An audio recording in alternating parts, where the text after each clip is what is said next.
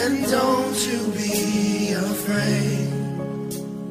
Joy comes in. Vandag gesels ek met Jaden Boysen en sy ma Wilma. Wilma en Jaden, baie dankie dat julle vandag met my gesels. Ek voel mos nou eintlik geëerd want ons het mos nou 'n klein ster in ons midde. Sedert die ouderdom van 11 is jy op ons TV-skerms in die rol van Carlo Daniels. Sê vir my hoe was hy eerste keer vir jou op die stel? Ja, dit was lekker, dit was uitdagend. Ek was 'n bietjie nervus want ek het my geniet toe ek daar gekom het. Ja, ek leer nog. As ek gou na jou toe kan gaan, Wilma, hoe was dit daai eerste keer toe jy vir jou kind sê, ek onthou jy het voorheen al vertel vir my, hy het buite gespeel. Hy het sokker gespeel en dis al wat hy wou doen sokker speel en dit is ook 'n loopbaan waarna hy gedink het eers. Toe kom sê jy nou vir hom 'n vriendin sê hulle soek iemand om 'n rol te speel van 'n jong seun. Hoe was sy reaksie? Hy was nie skaam nie. Hy het goed gesê hy sal dit doen. Soos hy dit maar is. Hy is so 'n tipe kind. Hy as hy 'n ding wil doen en hy sê hy sal dit doen, dan doen hy dit. Hy is iemand wat hy soos 'n go-getter. Wilma, was jy aanvanklik so bietjie skrikkerig? Het jy gedink, "Ooh, wat nou van die skoolwerk?" Ja, ja, ek was. Ek dink enige ouer sal sal wees, um omdat kyk hy was nog op 'n jong ouderdom en natuurlik het ons gedink sal hy kan en sal sy skoolwerkie daaronder lê nie, maar dit het nogal nie. Ek was baie ons was nogal baie skepties. Wat gaan die meeste aandag verg en al die goed so ja. Daai eerste keer toe jy nou TV kyk en hier is hy toe nou op die skerms daar in Reiterbos. Sê vir my eers Jaden hoe jy gevoel het en dan kan jy sê Wilma hoe jy gevoel het. Ek toe ek myself kyk toe Ek was geskok van hoe hoe's ek op die TV. Dit het wag het. Ja, vir ons was dit meestal dit was 'n emotional roller coaster soos hulle in Engels sê. Ons het verskillende emosies gehad. Ons was baie trots en terselfdertyd was ek as ma baie hartseer. Dit was net 'n trane dal. Ons het ek het baie gehuil. Ons het 'n familie aand gehad, daai aand en van ons vriende was hier en hulle het saam met ons gekyk en om te kyk moet jy at least die halwe pakket hê. So ons het toe gegaan en gaan sê ons gaan nou die halwe pakket uitvat want ons wil ons seun op die TV sien vanaand. En ons het vir ons vriende gesê en van hulle het gekom. Ek kan dit nie verduidelik nie, want dit was 'n goeie goeie gevoel. En so het elke keer gegaan nog vir 'n hele paar maande totdat ons nog besluit het, okay, ons is nog gewoon, maar jy, ek is nog altyd emotional want dit is jou kind. As jou kind wil jy daar sien. ek weet nie hoe om te sê hoe om dit te beskryf nie. Nou vir ander jong mense, Jaden veral is hierdie vraag gerig aan jou. Vir ander jong mense wat groot drome het en ook op TV wil wees. Dit is nie altyd 'n maklike dingie want mens moet jou kop kan hou. Kyk, jy kan nie jou skoolwerk afskeep nie. Wat sê jy sê vir jong mense met sterre in hulle oë wat ook op TV wil wees? Hard werk, alles wat tyd en jy moet jou beste insit om iets te kry, sal ek sê om om om iets te bekom. Niks is maklik en kan ek sê alles moeilik wat jy wil wees. Sê dit te try, jag jou drome, vind net uit of jy dit gaan gaan reg kry. Ek gaan nie elke dag studeer toe nie en is na skool as ek studeer toe as ek studeer toe moet gaan. So ek kan multitasking as ek miskien nou by die aan die aand by die huis kom. Nie nie aand, dis so 6 uur rond by die huis kom dan kan ek my huiswerk doen as ek huiswerk gekry het. Enige aktiwiteite of naweke as dit nou op 'n Vrydag is. Ons is baie betrokke in sy dit se skool. Ons is baie betrokke by sy by, by sy um loopbaan. So ek as sy ma is sê die een wat hom heeltyd aanmoedig en en herinner ek sal al het hy ook goed gedoen of skoolwerk gedoen of al, ek gesien dat hy sit met sy boeke, sal ek nog altyd na die tyd kom en vra, het jy jou huiswerk gedoen? Net om seker te maak hy het sy huiswerk gedoen. Soos byvoorbeeld sy sy sy sy lyne wat hy moet leer. Ek sal altyd vra ook, het jy jou lyne geleer? Het jy jou goed gekry? Soos byvoorbeeld as hulle dit vir my stuur, hulle stuur dit vir ons op die fone of per e-mail. Ek maak seker. Ek is baie vervelig, soos 'n by rondom hom, soos 'n vlieg rondom hom. Ek moet altyd seker maak ek dit gedoen. Hy sê altyd sê, "Mamy, ja, ek het, wat mamy moet seker maak alles is gedoen. Ek moet baie streng wees." Ja, ek is ek is ek sal sê voordat jy dan op die skerms gewees het, was ek streng. En ehm um, dit het nie verander nie. Dit het nog net 'n bietjie strenger geword. Jaden, hoe hanteer jy die mense op straat wat jou herken? Jy's mos maar skaam ouetjie.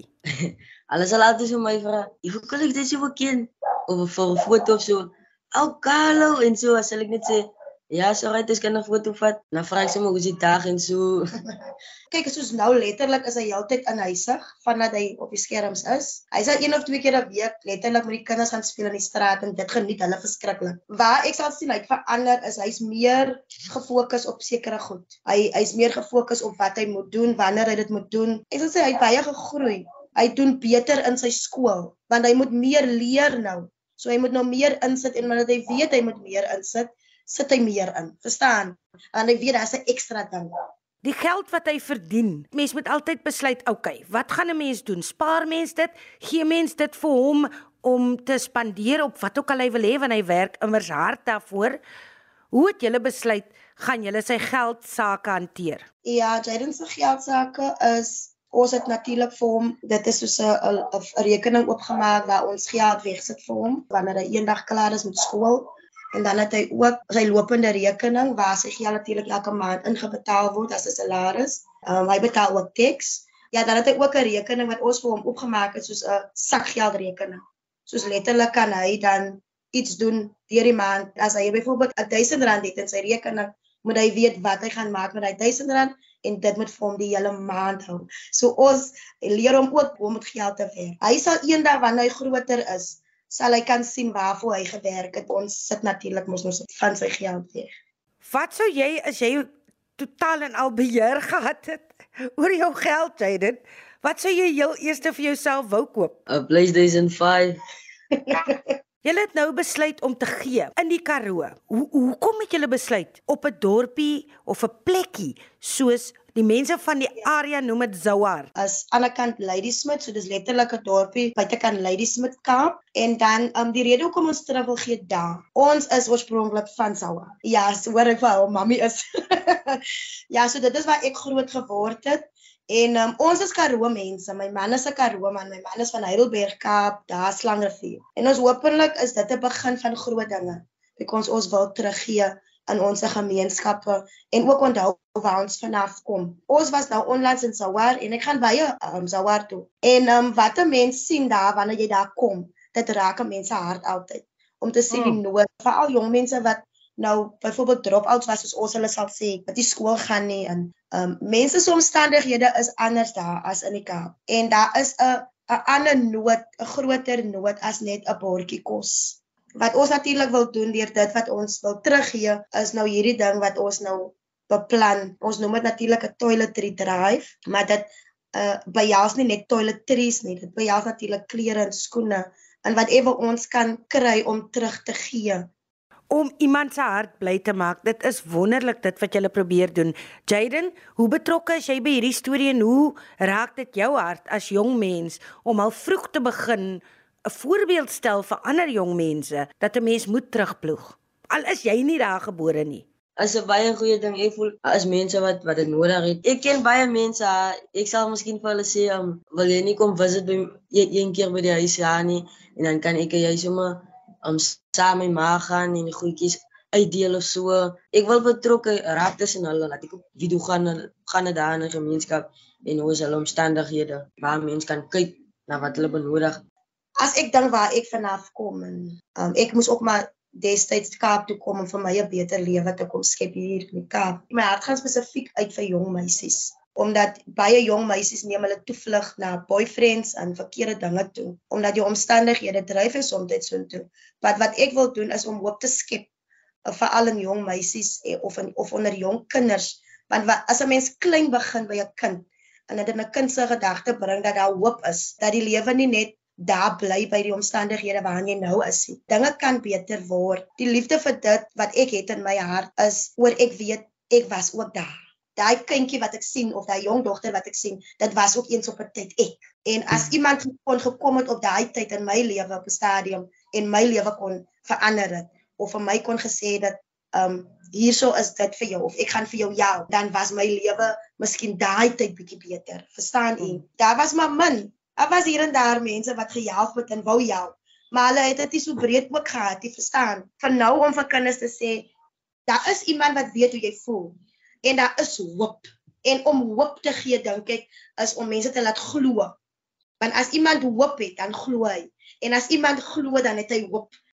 En dit is ook nie altyd dat jy net kry wat jy wil hê nie. Ek vertel altyd vir hulle stories van waar ek vanaf kom, hoe ek groot geword het, by wie ek gebly het, wat mami alles moes trotseer by ander mense waar ek gebly het. En ek dink dit bou hulle plat op die aarde.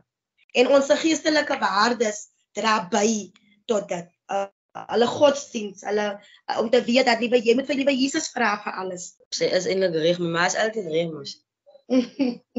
Jy wil die mense inspireer, jy wil vir hulle die regte pad wys. Goeie goed vat tyd. Ons moet net aanhou en vasbyt. Ja, ag het nie altyd goeie goed op ons pad kom nie. Slegte goed moet kom sodat die goeie goed kan uitstraal. Die liedjie wat my optel is um, You don't have to worry and don't you be afraid. Joy comes in the morning. Troubles they don't last always. Baie mooi. Jy kan sing ook. Yeah. For there's a friend in Jesus who will wipe your tears away. And if your heart is broken, just lift your hands and say,